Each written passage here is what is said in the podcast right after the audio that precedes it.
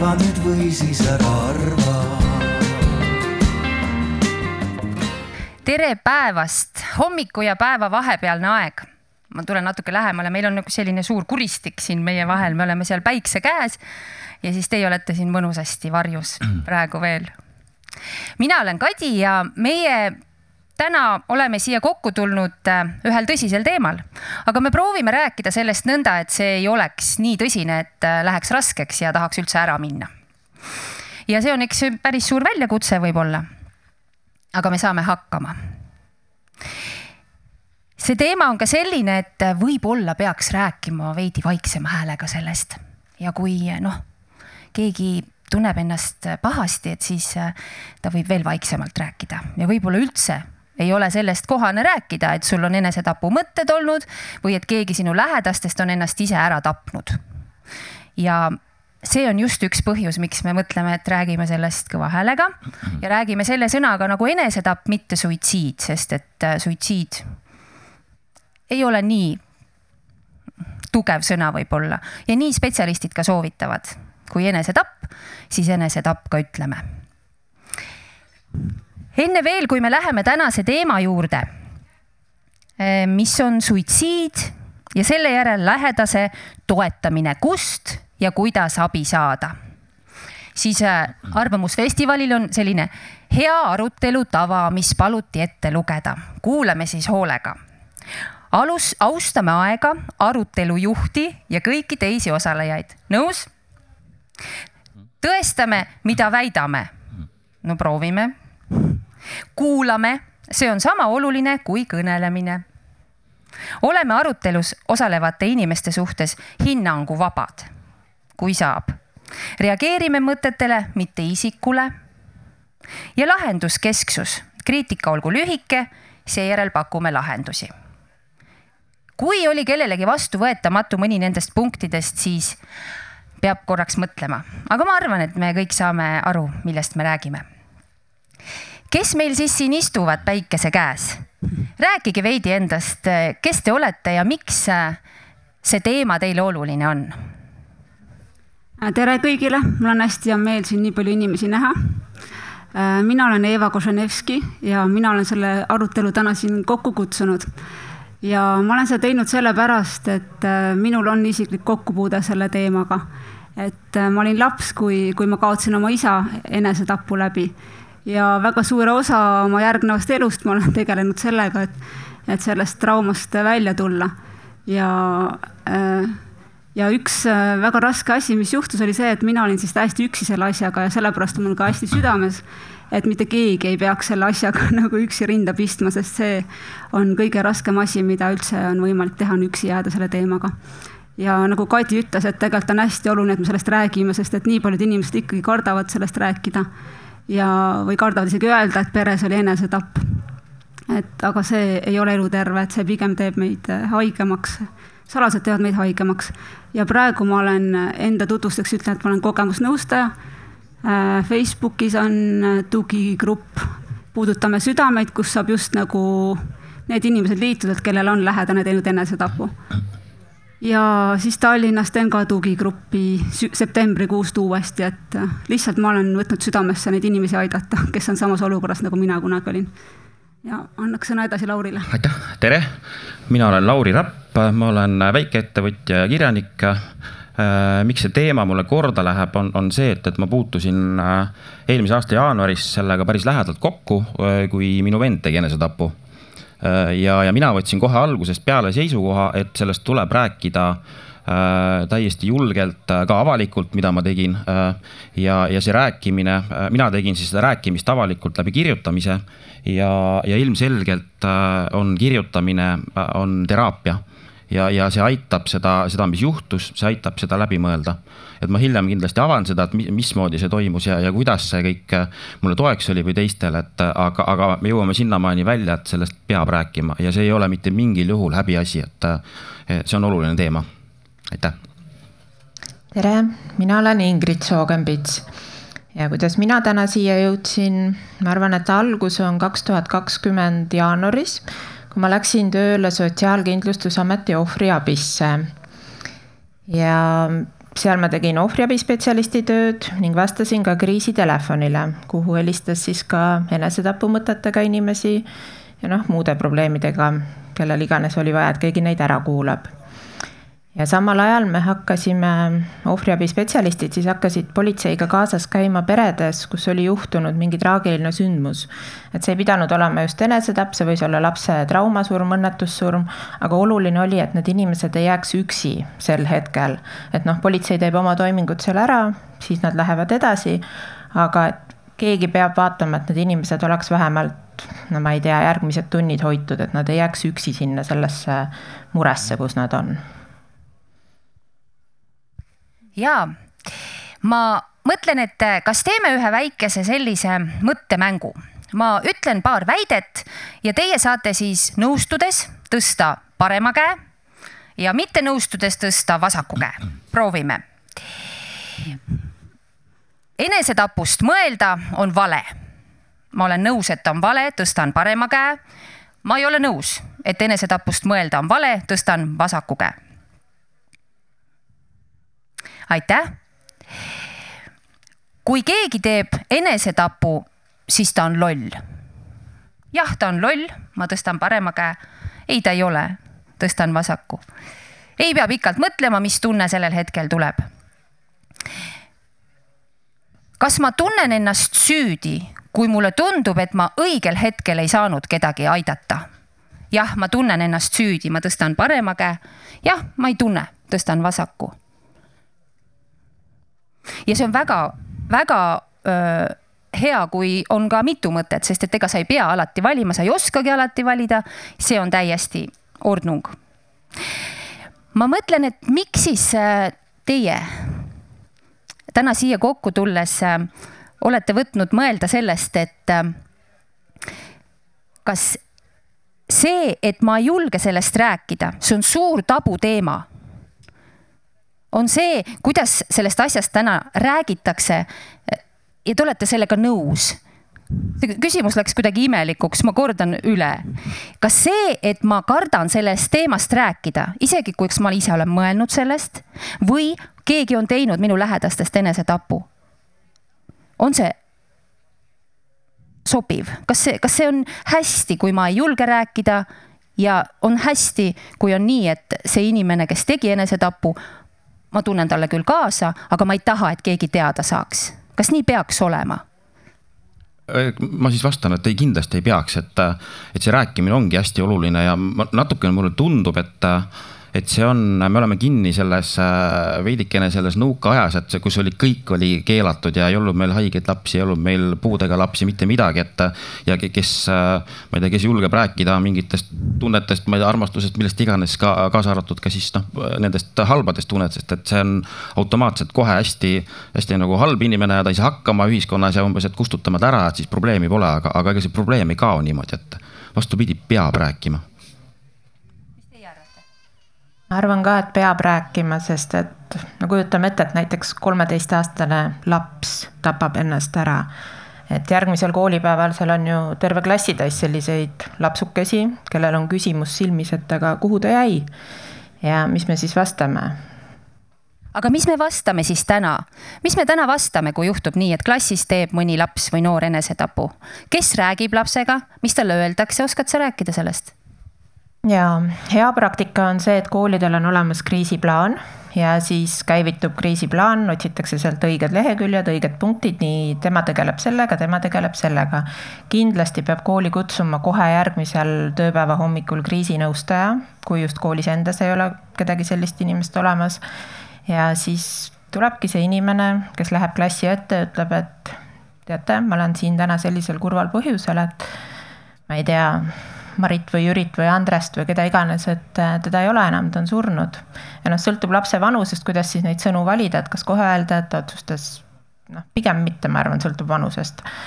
aga oluline on sellest rääkida, küsida näiteks, et kas keegi teab juba, olete te kuulnud sellest, et noh, need stsenaariumid on erinevad, sõltub, mis hetkel see toimus, kas see oli, ma ei tea, õpilaskoduga kool, kus iganes niimoodi aga see puudutatute ring, kellega rääkima peab, see ongi ju klassikaaslased, sugulased, õed-vennad, trennikaaslased, mis tänapäeval on väga-väga oluline, lapsed käivad väga paljudes trennides.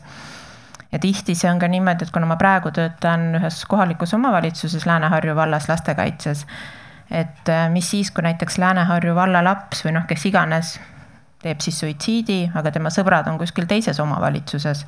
ehk käivitub selline suur võrgustikutöö, peaks käivituma ideaalis.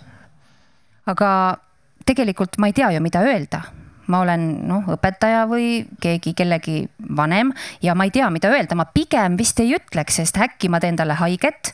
äkki ta hakkab karjuma, äkki ta hakkab nutma ja ma ei tea, mida temaga siis teha. Neid küsimusi tegelikult on ilmselt nii palju, mis tekitavad selle, et ma parem hoian eemale, et ma ei tegele sellega, ebameeldiv.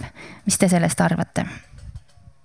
Selle teema pealkirja, et äh, vaikimine tapab, selle ma võtsin tegelikult ühe suitsidoloogi artiklist, kus see vaikimine tapab, oli tegelikult sellesse konteksti pannud, et, et see inimene, kes on hädas oma eluga ja ei näe muud väljapääsu kui, kui see lõplik lahendus ajutisele probleemile ehk enesetapp, et tema tegelikult et see vaikimine tapab ka seal, aga see vaikimine tapab täpselt samamoodi nagu lähedasi, et see on väga-väga oluline, et me räägiksime nii see inimene, kes, kellel on need mõtted peas, et ta julgeks abi paluda, et ta julgeks rääkida oma perega, et ta julgeks rääkida oma sõpradega või kolleegidega või kasvõi ühe inimesega, et see on nii suur vahe. kas sa ei räägi mitte kellegagi või sa räägid vähemalt ühe inimesega. et ma tahaks lihtsalt jõuda sinna, et et igal inimesel on vähemalt see üks inimene olemas, kelle juurde ta nagu saab minna ja ta ei pea kartma, et teda mõistetakse hukka või öeldakse, et ah, lollid mõtted või sa oled nõrk või, või mida iganes, et need on need asjad, mida me kardame, et miks ei julge rääkida, et on häbi, on tunne, et, et ma olen nõrk kui see asi on juba juhtunud, siis on see tunne, et keegi ka ei julge rääkida, siis on seesama, mida Kadi ütles, et et see teeb haiget, et, et ma teen äkki rohkem haiget, aga kõige halvem ma arvan, selle asja juures on üldse teha nägu, nagu seda poleks üldse olnud, sest siis me paneme kogu selle asja kalevi alla, siis ei julge üks rääkida ega teine rääkida ja, ja parem on siis öelda kasvõi see, et, et ma ei tea, mida öelda, et mul lihtsalt ei ole sõnu või, või noh, kas sa tahad rääkida, ma kuulan või noh, et, et mitte seda maha vaikida, et see maha vaikimine on kõige-kõige ebatervem viis sellega tegeleda. et siis see asi lihtsalt läheb edasi, hakkab järgmised vaimse tervise või füüsilise tervise probleemid sellest sellest edasi kooruma. jah, äh, minul on kogemus, mina pidin siis äh, viima selle surmateate enda vanematele edasi, et ma, ma tean, mida see tähendab. see, ma arvan, et mul ei ole elus keerulisemat hetke olnud. Äh, teatud põhjustel ma ei saanud seda teha samal päeval, kui see juhtus, ma pidin seda hoidma veel kakskümmend neli tundi kinni mis tegelikult oli, oli, tegi asja minu jaoks veel hullemaks. aga noh, mul on õnneks vedanud, ma olen, olen hästi tugev inimene, et ma sain sellega hakkama. aga, aga see jah, et kuidas öelda, see on hästi oluline. ja mul mõnes mõttes oli mul aega siis see kakskümmend neli tundi mõelda, et kuidas ma teen seda äh, ja, ja ega ma ju ei tea, kas ma tegin õigesti või valesti. Äh, ma ei öelnud seda otse välja, ma hakkasin tegelikult kuskilt niimoodi vaikselt keerutama, seal olid mingid muud probleemid ka meil veel peres. Ja, ja, ja siis ma jõudsin niimoodi, kuidas ma siis ütlen, nagu pehmelt selle tuumani, et äh, ja, ja ega see esimene reaktsioon oli, pean ütlema, et naised on tugevamad kui mehed aga esimene reaktsioon oli ikkagi päris kohutav. just eriti isa poolt siis, et ja, ja see tegelikult, see ütlemine tähendas seda, et jah, mõnes mõttes ma jäin ka üksi sinna, et ma, ma pidin olema sisuliselt terve selle pika päeva kogu aeg sealjuures, et midagi veel ei juhtuks. Et, et see ei olnud üldse lihtne. aga ma tooks ühe kihi veel siia, et me räägime vaikimisest.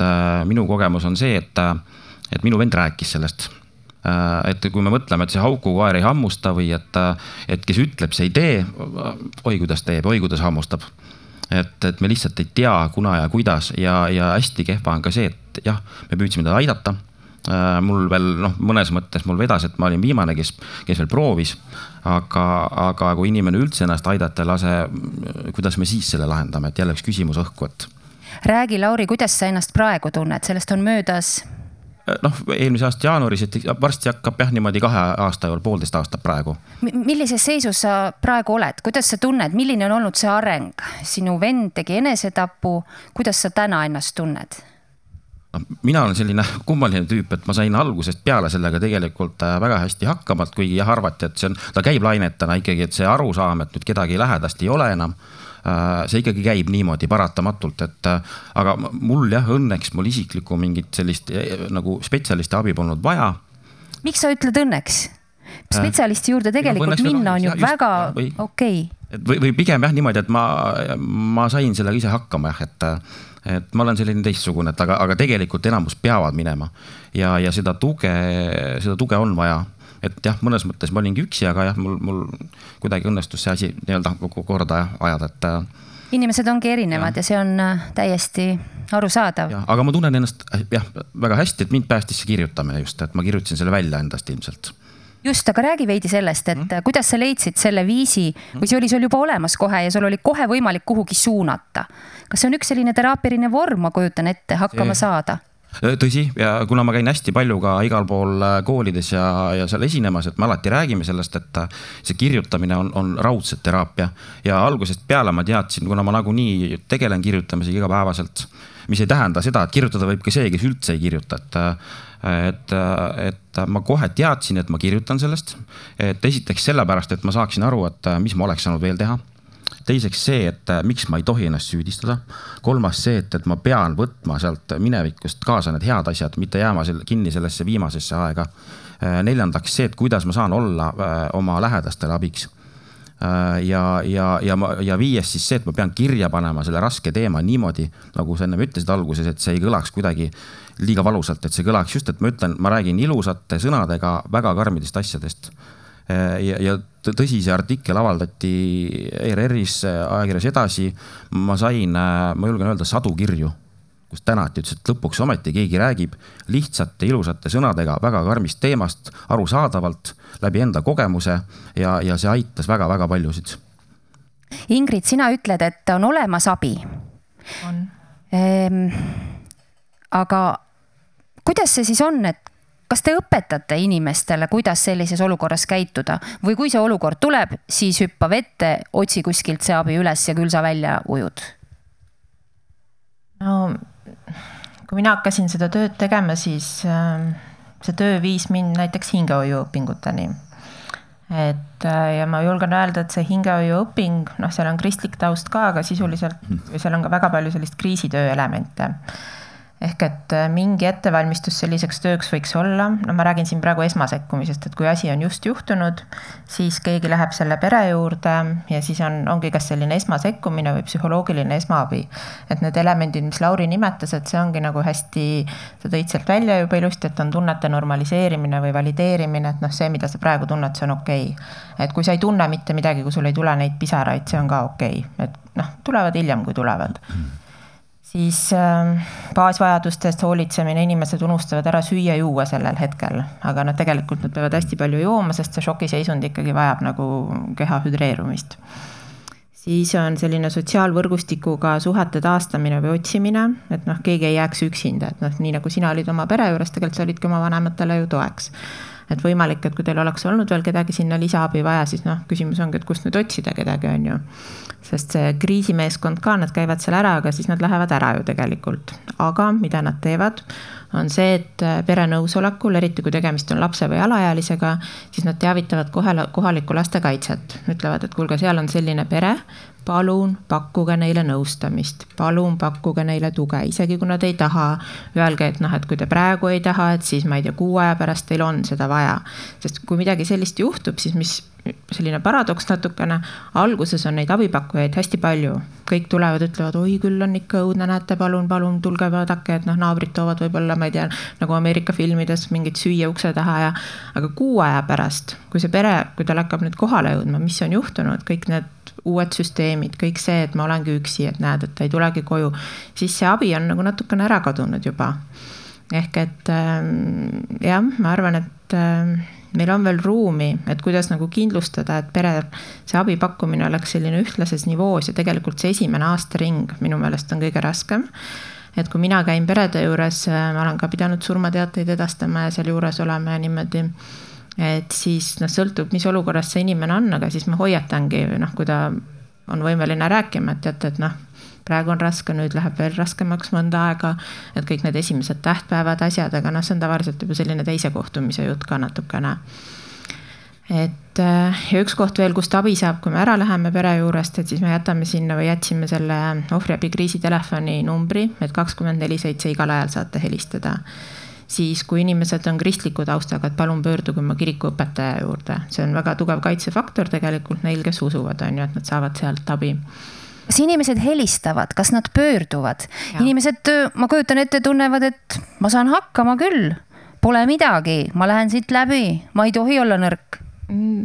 On neid, kes helistavad, on neid, kes päriselt saavadki ise hakkama, kellel see eneseanalüüs ja kõik see, sest noh, see, mis Lauri välja tõi, et mida mina ka alati soovitan, et ärge mõelge sellele viimasele osale just see, et tähistage elu, mitte surma. tal oli pikk-pikk ilus elu, et mõelge kõik see rõõm, mis ta teile tõi, noh eriti kui ma ei tea, laps ennast ära tapab, et no see on nii õudne ju, aga et ärge keskenduge sinna viimasele hetkele, vaid et kõik see hea, mis temast oli. et see, kuidas ta kõlab võib-olla nagu banaalselt, aga et võib-olla noh, et see, et ta elabki meie südames edasi, et senikaua, kuni me teda mäletame, kuni me tast mõtleme, et ta ei kao mitte kuhugi. noh, jah, füüsilisel kujul küll, aga et ta on ikkagi meie südames edasi et jah, helistatakse, aga väga oluline on siiski jah, just see kohaliku omavalitsuse poolne abi ka, ma julgeks nüüd väita, kuna mul on nagu see riigipoolne kogemus, kui me üleriiklikult töötasime ja nüüd kohaliku omavalitsuse, et siis ma ütlen, et kohalik omavalitsus saab väga-väga palju tegelikult ära teha. kas kohalik omavalitsus teeb palju ära või ta saab teha? Mm, sõltub kohalikust omavalitsusest, et äh, seal, kus mina olen praegu Lääne-Harju vald, meil on äh, nelja lähinaabruses oleva omavalitsusega selline kriisikoostöö mis saigi tegelikult alguse sellest, et äh, üks noor tegi enesetapu ja tema sõbra, sõbrad, sõbrannad elasid seal nagu lähiomavalitsustes ja suitsiid võib ka nakkav olla, eriti laste puhul. et kui äh, näiteks nad teevadki kõik koos plaani, aga siis ei vii seda toime sel kuupäeval, võib-olla siin natukese aja pärast, et võib ka nii minna ja ja kui siis sellest ei räägi nagu omavahel seda infot ei vaheta, et noh, siis võib-olla sa ei teagi või võib-olla see naaber, omavalitsus ei teagi, et tal on kuskil seal üks suitsiidne lapsukene, sest see info ei levi. et julgen väita, et siin Tallinnast lääne pool on praegu väga hästi, kuidas muudes omavalitsustes on, ei tea. siit me jõuamegi täna ühe järgmise probleemistikuni. juhtub ära see hirmus asi, et keegi tapab ennast ära tuleb kohale spetsialist, aitab nii, kuidas oskab, räägib, mis saab. on olemas ka lähedased, kes tulevad, toetavad.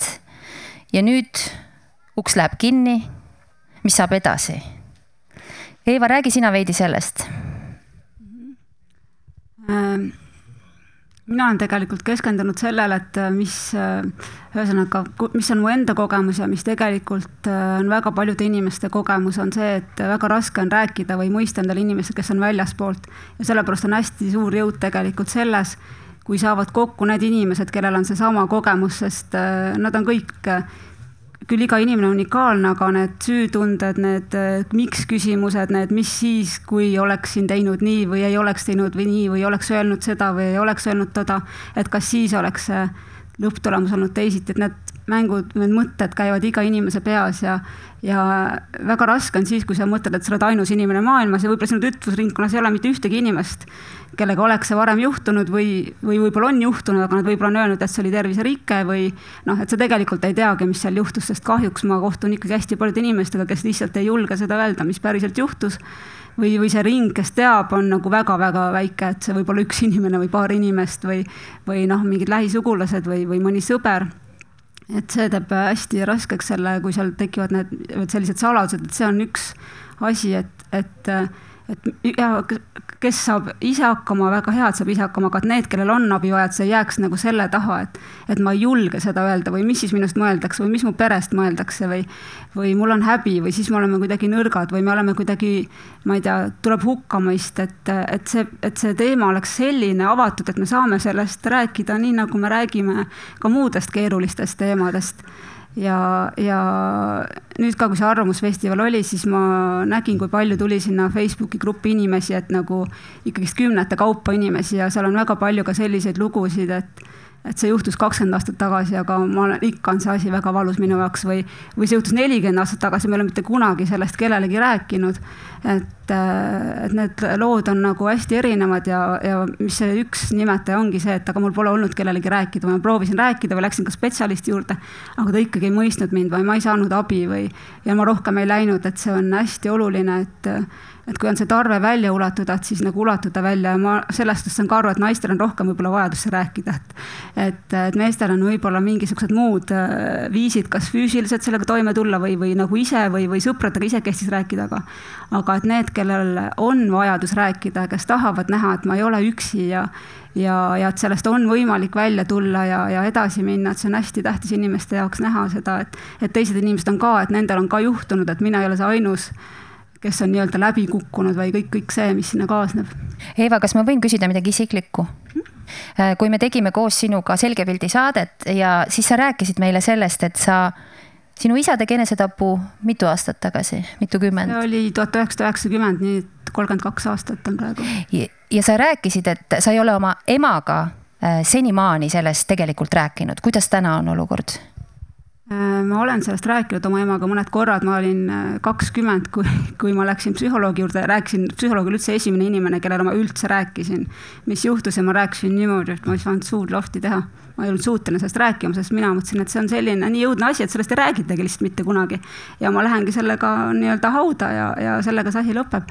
et äh, ma olen saanud oma emaga rääkida, aga see on meie peres jätkuvalt nii valus ja raske teema, et parema meelega mitte keegi teine peale minu sellest ei räägiks, et et see on siiamaani hästi valus ja, ja raske teema, et ja see on paljudes peredes niiviisi, et pere, vahest ongi pere sees või lähedastega sellest raskem rääkida, sest igalühel on oma tunded, oma, oma vaatenurk sellele asjale, et teinekord ongi palju lihtsam rääkida võõraga või spetsialistiga ja see on ka okei okay.. et peaasi, et sa nagu saad rääkida, kui sa ei, tunned, et see üksi on liig, liig seda kanda.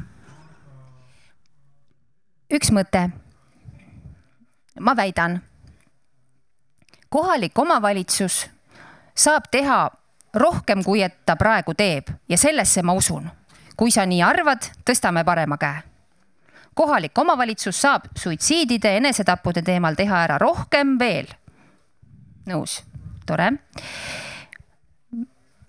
kui minu lähedane teeb enesetapu, siis ma tahaksin olla rohkem valmis selle teemaga toime tulema. jah, tõstan parema ei taha olla, tõstan vasaku.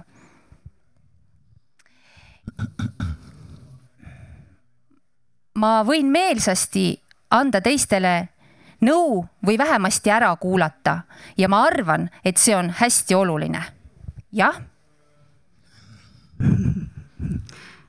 väga tore.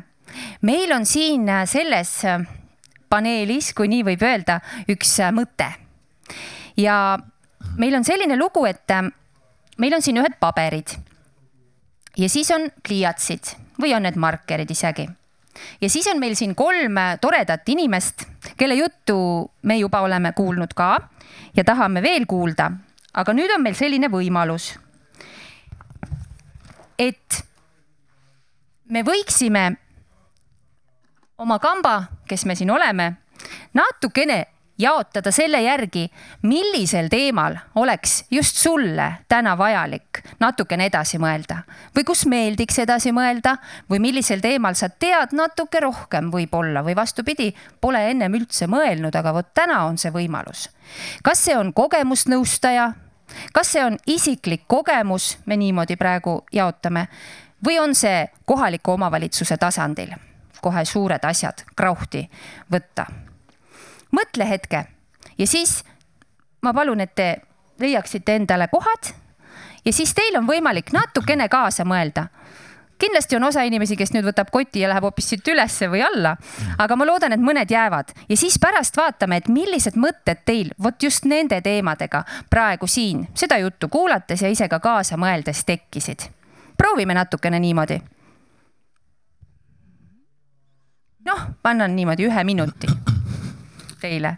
hästi ebamugav küll, peab liigutama, aga no mis sa teed? selline see elu on.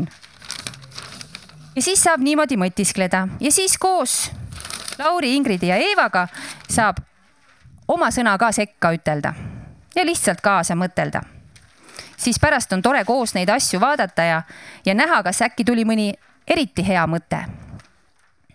kindlasti tuli, miks mitte no nii, ja kui te näete, et inimesed ei tule, siis minge ise nende juurde ja võtke käest kinni ja tulge julgelt kaasa mõtlema. ma võin isegi siia jääda, eks. võib absoluutselt ja teine inimene võib ka tegelikult omale tõmbata selle laua lähemale, te võite ju tegelikult mahuta ära, ma kujutan ette. äkki meil Võtame on need lihtsalt kuskil veekesed vaiba ära peal, ja- sest muidu ma ei saa kirjutada, aga see laud annab jah. mikrofoni peab nüüd äkki välja võtma. ja just. ja tulge julgesti ja Lauri ootab omale kambajõmme. ja jaguneme kuidagimoodi nii, et ta kõigil mõnus oleks. no teemad on tõesti kõik olulised, aga mingi valiku võiks praegu teha. kas on see kogemusnõustaja või nõustaja või teraapia, mis on see, mis võib aidata hästi ja kus oleks sul mõni sõna sekka öelda, kas on see kohalik omavalitsus, võib-olla isegi riigi tasandil, tahaksid mõelda, et kuidas seda olukorda paremaks muuta veel selle inimese jaoks, kes jääb ellu selle kõrval, kes teeb enesetapu.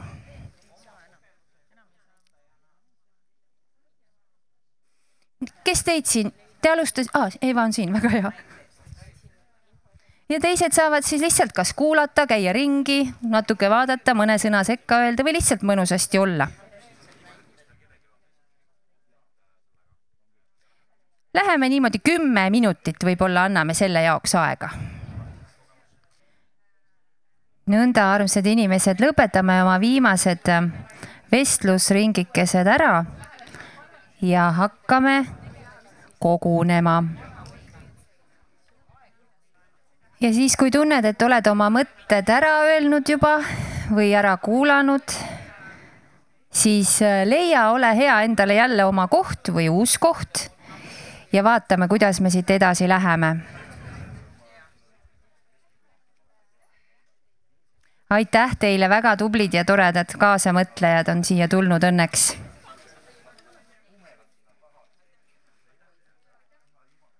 ja leia mõnus koht uuesti ja vaatame siis nendele mõtetele otsa, mis teil siin täna praegu tulid.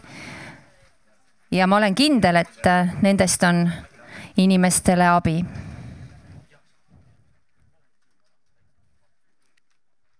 Hops. paneme siis need mõtted seinale paneme nad kuivama, tuulduma päikese kätte mõnusasti. ja siis äh, on, ma kujutan ette, et mõistlik, kui iga grupi siis, ähm, kas saab öelda juhendaja, grupi, iga grupi juht saab äh, väikese sõna, ärme väga-väga pikalt peatu, aga käime kõik punktid läbi ja üks lause, et mida see tähendab ma annan mikrofoni näiteks, alustame sinust. see töötab ka. meil on ja, olemas, aga olemas, sa kahte mikrofoni ei taha? ei, saan ühega hakkama. teeme nii. et äh, mis seal hästi palju tuli välja seda, et meil on tegelikult probleem on, on kogu selle äh, sektori alarahastamises ja sinu grupp oli siis milline, tuleta meelde. oli see isiklike kogemuste. isiklik kogemus enesetapu teemadega. et jah, just, et, äh, et on alarahastamises tegelikult hästi suur mure on selles, et, et lähedased ei kuula ära ja, ja tihtipeale kipuvad ehitama seina, kui on see nii-öelda, on, on perekonnas siis suitsiidne inimene või ta isegi teeb selle katse, ehitame seina vahele, et siis äkki ei ole probleemi et seesama asi, et nad nagu kardetakse sellega toime tulla, ehk siis nad, nad ei oska, mida vastata. sein vahele ehk et ma ei suhtle selle pereliikmega mitte, et ma ei suhtle, aga selles mõttes, et ma eitan probleemi. eitan probleemi, probleemi, arusaadav. ja, ja teine hästi oluline, noh, need väikseid asju ma ei hakka ette lugema, et teine oluline teema on, et kogu selle sektori alarahastus. et kui palju on meil täna psühhiaatri juurde, peame ootama oma järjekorda, neli kuud mis tähendab neli kuud ühele inimesele, kellel on, on väga suured probleemid, see tähendab aastaid ja, ja sealt edasi on, kuna see on alarahastatud, tähendab ka kvaliteedi probleemi et ehk siis kui näiteks ütleme, mis iganes ei klapi see suhe inimesel, et selle psühhiaatriga, ta peab minema järgmise juurde, ta ootab jälle ja siis ta läheb sinna ja ta peab hakkama nullist peale. ta ei taha seda teha enam läbi. Et, et need on, need on jah, päris, päris suured probleemid jah, ja just, mis tuli eriti huvitav välja, kuidas perearstid võivad vahepeal, ma kuidagi ei taha neid halvustada, aga, aga seal on ka vahepeal selliseid suhtumist, aga proovi rohkem naeratada, et ja see ei ole vastus. see ei ole vastus jah aga ma pikemalt siis võib-olla isegi ei räägi hetkel, et. kas mõni lahendus tuli ka teil? Noh, ega. suutsite te mõelda või tegelikult oli probleemide ring? pigem kuna aeg sai nii ruttu otsa, et kõigil oli nii palju öelda, siis ajast puudu arusaadav, aga kindlasti on seal peidus lahendused ja. ja kui kellelgi on mõni hea mõte nendel teemadel, mida Lauri praegu rääkis, siis andke julgesti teada. Läheme edasi. kes tahab olla järgmine? mina võin rääkida, et aitäh kõigile, kes panustasid. meil on küll ainult lahendused minu meelest, et äh, kuidas tõsta teadlikkust kogukonnas, heaolu profiil, sinna sisse kirjutada vaimse tervise esmaabi, et näiteks koolides võib-olla üle aasta siis ütleme näiteks, et üks aasta on seitsmes klass, järgmine, järgmisel aastal nad jäävad vahele, siis üheksandas klassis selline vaimse tervise esmaabikoolitus siis KOV-i kriisivalmisoleku kaardistamine, selle tõstmine, kohaliku kogukonna valmisolek ja kaasamine, just need sädeinimesed, info kättesaadavus, et kui midagi on juhtunud, kohe oleks seal ma ei tea, KOV-i kodulehel voldikud, mida jagada, et noh, inimesed teaksid, kuhu pöörduda, kust abi saada. siis koostöö ohvriabiga, millel on üleriigiline võrgustik ja kes teatud juhtudel saavad ka hüvitada psühholoogilise abi kulude tasustamise ja kaardistada oma piirkonna spetsialistid, kes oleks valmis näiteks vabatahtlikena appi tulema kas neid asju, kas teile ka ei tundu, et need on nagu asjad, mis peaksid juba olemas olema? see tundub nagu nii loogiline, kas neid ei ole? ma arvan, et igal pool kindlasti ei ole. olgu, aitäh, läheme edasi mm. meil oli ka hästi lai teemade ring, et äh, alustasime nagu sellest, et et kuidas üldse toetada inimest, et äh, kuidas aru saada, et kuidas rääkida, et kui tundub, et tal läheb hästi, et kuidas aru saada, kas tal läheb päriselt hästi või või, või ta teeb sellise näo, et tal läheb hästi või kui tundub, et läheb hästi, et kas ma võin siis küsida, et kuidas tal tegelikult läheb, et äkki ta hoopis muutub selle peale väga kurvaks või saab haiget, et tal läkski hästi. aga nüüd tal tuli see, see kurb asi jälle meelde, et need on sellised äh, väga palju see rääkimise, rääkimise teema äh, ümber need teemad. siis rääkisime sellest Äh, süütundest, nii iseenda süüdistamisest kui teiste süüdistamisest, see on ka kindlasti asi, millega on väga raske nagu üksi toime tulla, et hästi hea, kui sul on keegi kõrval, kel, kes aitab sulle seda perspektiivi anda, et kus see süü seal on või ei ole, et et, et enamasti see süütunne on siiski iseenda sees, et, et sellist päris, et keegi ongi süüdi, seda on ikka väga harva ja siis rääkisime ka sellest, et hästi oluline, et see abi oleks nagu kohe. et nagu siin Ingrid ütles, et see kohe läheks sinna pere juurde keegi, sest et, et see ei jääks niiviisi, et, et ta jääb kuudeks või aastateks või aastakümneteks kuskile nagu varjule ja, ja vaikselt rikub seda inimest et see on nagu hästi oluline, et, et, et vähemalt oleks pakkumine, et see kohaliku omavalitsuse riik peaks kindlasti tegema seda, et, et oleks teada, et kui ma, mul on vaja pöörduda, kuhu ma siis pöördun, et ma ei pea hakkama otsima. ja samamoodi need äh, leinas või šokis inimesed tegelikult tihtipeale ei suudagi ise otsida, et see on nii oluline, et keegi läheb nende juurde ja pakub. et siis nad saavad öelda jah või ei või tuleb talle mingil hiljem meelde, et, et oota, keegi seal ütles, et midagi on, et nüüd ma ikkagi tunnen, et mul on vaja siis oli juttu sellest, et väiksemates kohtades ei olegi üldse mingit vaimse tervise nagu tuge, et ei olegi psühhiaatrit ega, ega ei olegi psühholoogi üldse, kelle juurde saaks pöörduda. ja, ja rääkisime ka sellest, et et äh, meil oli grupis üks psühholoog, kes ütles, et tegelikult psühholoogid ka alles õpivad nagu selle kohta, et aga kuidas siis neid inimesi aidata, eriti kui see on nagu väga pikaajaline lein või see on kestnud mingi aastaid või aastakümneid, et need on vanad lood, et et, et ka spetsialist alati ei tea, kuidas nagu aidata üldse, et meil on vaja ka seda, et spetsialistid nagu ennast arendaksid ja saaksid teadlikumaks, nad oskaksid inimesi aidata. et see on hästi tähtis väga tore. mitu punkti te ise annaksite praegu Eestis sellele süsteemile, kui juhtub see.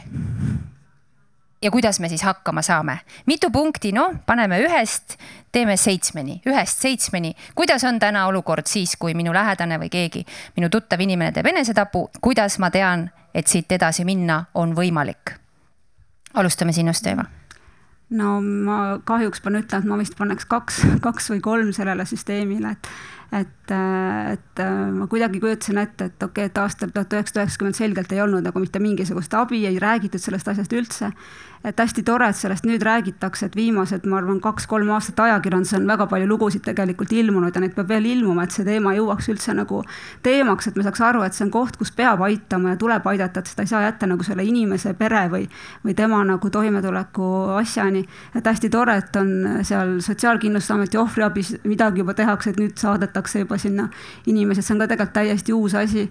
see, et kohalik omavalitsus, lastekaitse, no ma vist tean tegelikult ühte juhtumit konkreetselt kus tõesti see lastekaitse sekkus, et see on ikkagi väga selline noh, et sõltub sellest töötajast, et ta peaks just, see abi peaks olema nagu süsteemne, mitte et see ei sõltu sellest, et et kas see psühholoog taipab või kas see perearst taipab või kas see koolipsühholoog taipab või kas see lastekaitsetöötaja taipab, vaid see oleks mingisugune selline, et see tugi on alati olemas, et see ei sõltu nagu sellest kohast või perevõimekusest.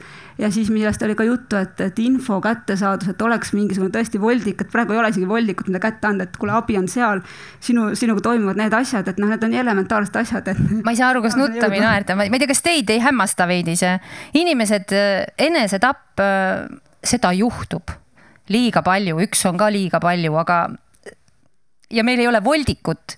kas või alustame sellest olgu. ma tegelikult tahaks seda öelda, et selle suitsiidi või enesetapu endaga on tegelikult hästi palju tööd tehtud, et kui need numbrid olid kunagi siin kuussada, et nüüd nad on kakssada, et selle ennetusega on hästi palju tehtud ja on väga palju koolitatud sellel alal ja on voldikuid ja mida teha siis, mis küsimusi küsida, mida mitte küsida, on väga palju. aga, aga just see lähedaste teema on, on nüüd järgmine ring, et mul on hästi hea meel, et me oleme sinna jõudnud, et see on ka väga oluline teema, et need inimesed ei jääks üksi ja jääks traumeerituks ja, ja noh, et nende elu ei saaks rikutud sellest, et nad ei, ei, et neil ei ole abi või tuge. Lauri, kuidas sulle tundub oma vaatevinklist? ega ta jääb ka sinna kahe-kolme vahele, peab tunnistama jah, et, et ja, ja noh, seal on jälle, ma jõuan sinna isikliku kogemuseni selles mõttes, et, et, et kuidas nende lähedastega siis toime tulla, kui nad ei lase ennast aidata, et isegi noh, minu vanemate puhul on see, et nad, nad justkui nagu on toime tulnud, aga see on võimendunud mingisuguseid teisi isiklikke probleeme hästi tugevalt, et ja, ja nad keelduvadki, et ongi seisukoht, et jah, me saame ise hakkama, aga ma näen, et nad tegelikult ei saa ja, ja, ja mis ma siis teen? see on mingi teatav, mulle tundub äh, selline generatsiooniline küsimus ka. et ja. isegi minu ema on öelnud, ta on kuuekümnendate alguses, et äh, psühholoog, no see hulluarst, eks ole, ma ei hakka minema, lõpeta ära. ma ei tea jah, nad, nad isegi käivad, aga, aga nad ei, ei võta seda kuulda selles mõttes, et või, või noh, niisugune, see on, see on jah, seal on hästi palju kihte, mida ma kõike isegi praegu ei saa siin avada paraku, et. et, et see pole lihtne jah, ja, ja ikkagi me jõuame sinna, et see kogu see teadlikkuse tõstmine on minu arust ka üks hästi oluline märksõna, et neid päris lugusid on veel rohkem vaja, et mitte ainult ajalehes, aga nagu ongi siin on teles ja inimesed peavad käima ja rääkima, et. et mina käingi hästi palju, käin ju koolides igal pool, et, et see, seda on vaja rääkida, et noh, kuni ühe ekstreemse näiteni, kui mulle käisin ühe ettevõtte jõulupeol, kui ma sinna kohale jõudsin esinema, siis olid muidugi pooled inimesed seal eestlaste kombel üsna, üsna purjus. aga eh, kuidas ma sain tähelepanu, kui ma tõin sellesama teema laua peale ja siis järsku üks inimene ütles, et ah, tead, mul on probleemid, mul tegi lähedane enesetapu. teine ütleb, et tal on keskendumisraskused, ehk siis eh, me peame rääkima. kui üks teeb otsa lahti, küll siis teised ka tulevad. just, just.. jaa. Ingrid. jah, kolm punkti heal juhul. sa ju töötad seal, tee midagi kiiresti. jah, teen, teen. Lääne-Harjul on nüüd suured ootused, ma saan aru sellele vallale, et siin hõikan välja muudkui. muidugi tahaks teha ja noh, eks see on natukene pealevõtmise asi ja see teadlikkuse tõstmine just, et see generatsioonide teema, et äh, minu vanaema ütleb mulle ka, et ma ei tea, need tänapäeva noored on ikka nõrgad küll, on ju, et noh meie ajal ei olnud ju selliseid probleeme. No.. mõtle, kui ei olnud. ei tulnud naeru, ma tund-, ma arvasin, et tuleb naerupäevak ma arvan, et ikka oli päris palju, et kõik see, mis minu lemmikteema, millest ma viimasel ajal olen palju lugenud, on selline põlvkondadeülene trauma. et äh, kõik me, kellel meil muresid on, et tegelikult me võimegi minna oma vanaema juurde ja öelda, et kuule sinu muresid ma praegu siin oma elus lahendan tegelikult, et äh, jah aitäh. kuidas me praegu võiksime kokku võtta selle meie siin kohe-kohe tund aega toimunud äh, vestluse? punkte sai see temaatika kahest kolmeni, seitse oli võimalik anda samas ma saan aru, et me oleme väga palju arenenud.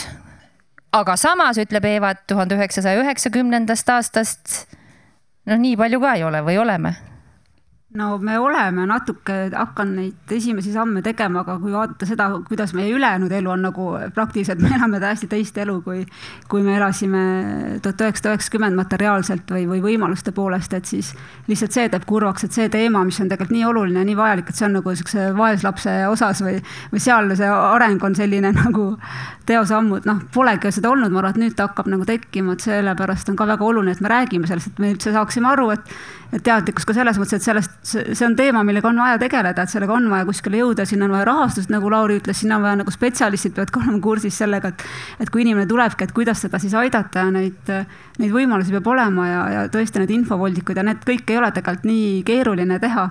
et jah, see on kindlasti kättevõtmise asi ja see on kindlasti teadvustamise asi ja raha asi, et siin on nagu kolm asja kas on midagi nüüd siia täitsa lõppu, me võime kõik koos ju öelda, hüüdke teie ka, kui tuleb mõni hea mõte ja mõtleme meiegi. mis on sellel teemal hästi, mis on hästi minemas, mis on hästi juba, mis on võib-olla paremini, kui üldse ei teagi, kus mujal.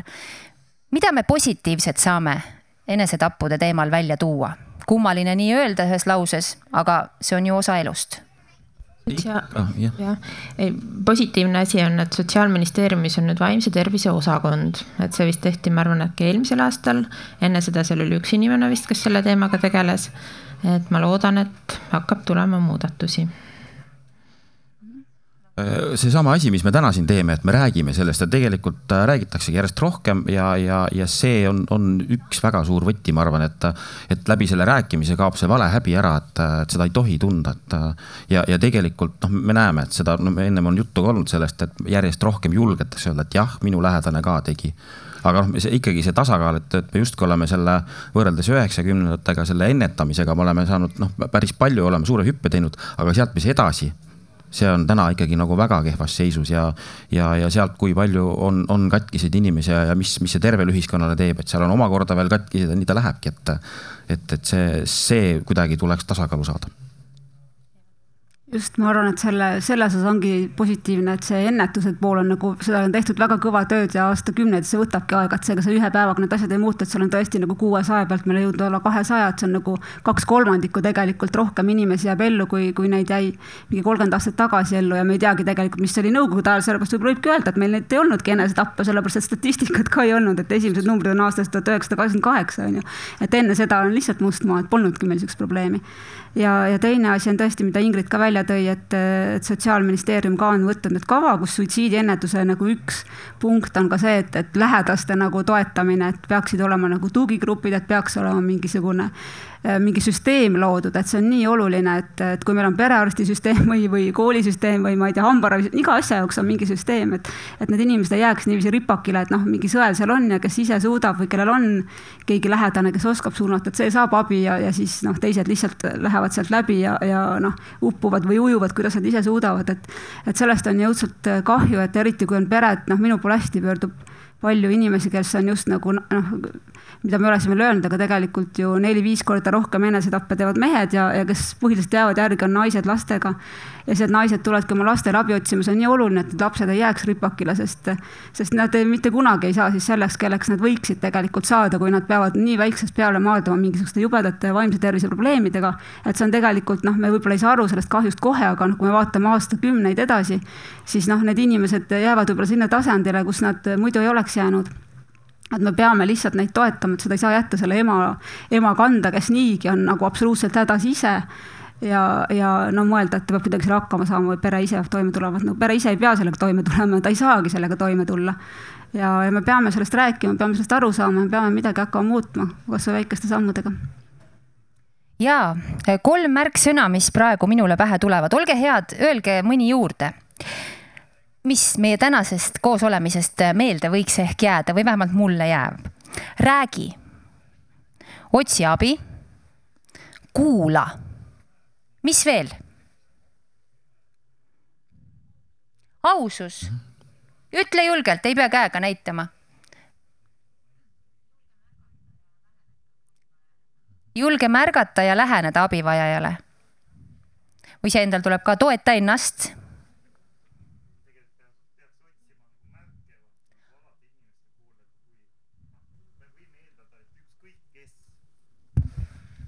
võime eeldada, ükskõik kes võib seda noh, olla suitsiidne või, või tal on depressiivsed mõtted või kurvad mõtted või mida iganes. aga me eeldame, et kõigil on alati hästi, selle tõttu me ei näe neid märke, mille tõttu see inimene vajaks abi. mõned elavad sisse, mõned on nagu välja elavad, mõni naerab rohkem, mõni loeb endale mingisuguseid numbreid ette, aga me ei näe neid. Ja see on minu arust probleem aitäh, et ole tähelepanelik, eks ju, ennast ümbritsevate inimeste suhtes. mis sõnad veel teil mõtted tulevad? õpi vaimse tervise esmaabioskusi. mis veel? kas sa tuled minu juurde? tule, tule, ma annan sulle mikrofoni kohe. ja loomulikult, ära karju. Äh, ma tahtsin ka rõhutada just seda haridus, et äh, õpi vaimse tervise esmaabi. et ja enne tõite ka välja neid asju, mis on positiivsed, et ma tahaks öelda, et noortel on praegu see sõnavara juba tekkimas palju rohkem kui vanemal generatsioonil. Äh, ja sellesse võiks veel rohkem panustada, et just nimelt koolides seda välja tuua ja, ja et see tuleks aina rohkem juba koolist ja kodust neile kaasa kas tuleb mõni mõte veel, ei pea mikrofoni ütlema, lihtsalt mõni mõnus mõte kaasa, sest teema on ju piisavalt äh, keeruline. et ei läheks siit ära tundega, et uhuhuu. kas siin üks tüdruk tahab öelda midagi? jaa. oli, sa rääkisid enne, ma kuulsin päris.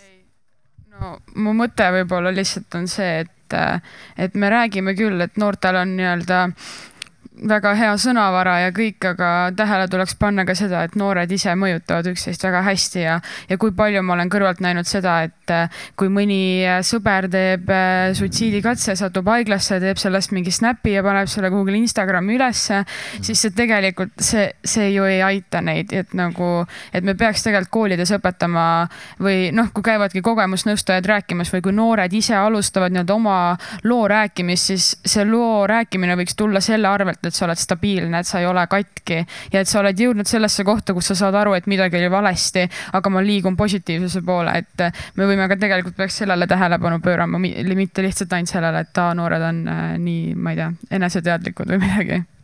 aitäh, väga tore mõte. kas mõni mees ka võtab, no sina juba rääkisid loomulikult ja.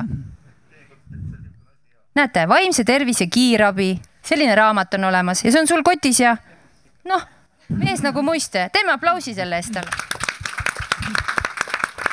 väga tore.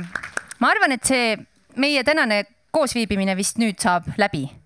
aitäh teile, et te mõtlesite kaasa, olete nii tublid, saame hakkama, kuulame, räägime.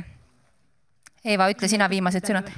ja, ja saab, näete, vaimse tervise töövihikuid, minge võtke kivi pealt ja andke sõpradele, kellel neid võib-olla vaja on või hoidke igaks juhuks kotis, nagu teeb, kuidas su nimi on? Paul, nagu teeb Paul. aitäh, jõudu. selge see, et ega kõike kõike teha.